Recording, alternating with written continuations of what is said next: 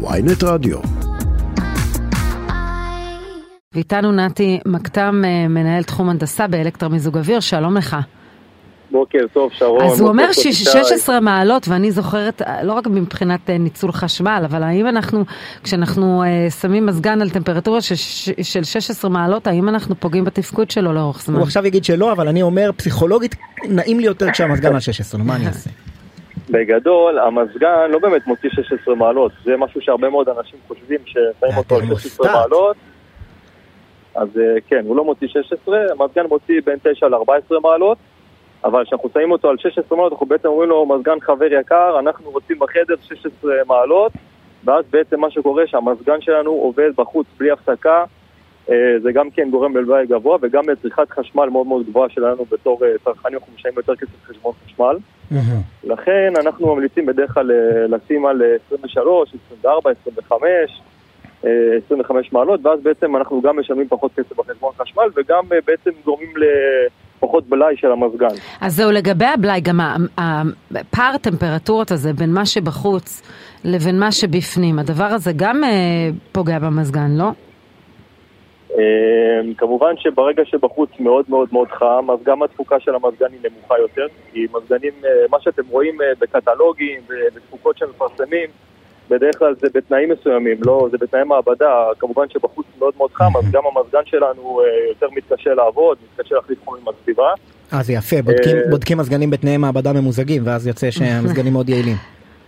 כן, לא בדיוק, ממו- לא בדיוק ממוזגים, אבל בתנאים מאוד מאוד גם מסוימים. תראה לי את האדם אה, שבודק תפוקה ב- כשהם עושים את זה. במערות 30 מטר מתחת לאדמה כשקריר. אה, רגע, אז אה. יש לי- יש לי שאלה אליך, זה כמנהל תחום הנדסה באלקטרה מיזוג אוויר. שמו לב פה כן. בצוות התוכנית, שמזגנים נוטים להתקלקל דווקא בקיץ. למה זה קורה? אז זה לא בדיוק נכון, אני אסביר, אני אסביר מה קורה. בדרך כלל שאנחנו, יש את עונות המעבר, בעונות המעבר אנחנו בדרך כלל לא מדליקים מזגן, זה בדרך כלל יוצא בין אה, תקופת החורף, בחודש מאי, אפריל, אנחנו פתאום מדליקים את המזגן פעם ראשונה אחרי שהוא עבד איזה שלושה חודשים, ואז אנחנו נתקלים בתופעה של אה, נזילות מים. זה בדרך כלל המכה הראשונית של נזילות מים. וזה קורה בדרך כלל בגלל שהפילטרים של, ה... שהפילטרים שלנו של המזגן צפויים, כי אנחנו לא מתחזקים את המזגן. לא מנקים את אה, הפילטרים. פעם לא בכמה זמן את אתה אומר. לנקות? פעם בחודשיים, פעם בחודש, יש מקומות שהם אה, מקומות יותר, אה, עם יותר אה, זיהום אוויר, נגיד כמו בתל אביב, או מקומות שהם יותר על הכביש, יש הרבה מאוד לכלוך במזגן, ואז בעצם הפילטר של המזגן נסתם. עכשיו, אני בעצמי גם לפעמים חוטא, ואני לא מנקה את המזגן כל חודש-חודשיים, אבל זה חשוב מאוד. דרך אגב, זה לא רק הנזילות מים, זה גם הצריכת חשמל.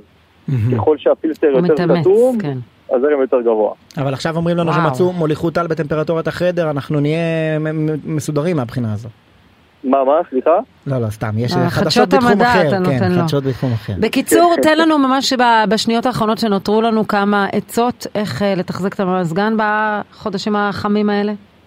אחד הדברים החשובים ביותר זה כמו שאמרנו זה לנקות את הפילטר של. המזגן ולשים לב ולהקפיד כי זה יכול לגרום לכמה בעיות לא רק לבעיה אחת ואני ממליץ בלי שום קשר אה, אחת, ל, אחת ל, להזמין אה, טכנאי אחת לכמה שנים אפילו רק שיעבור על המוליכים של החשמל של המזגן כי דברים כאלה גם יכולים לגרום לשרפה ככל שהמזגן עובד, אה, עובד לאורך שנים עם אה, זרמים גבוהים הכבלים כן. של, כן, של המוט נתי החשמל מתעסקים. תודה רבה לך, אנחנו חייבים לסיים את השעה, אז אני יש לי המון המון בקשה תודה. אישית שתפתחו מזגן ביולוגי.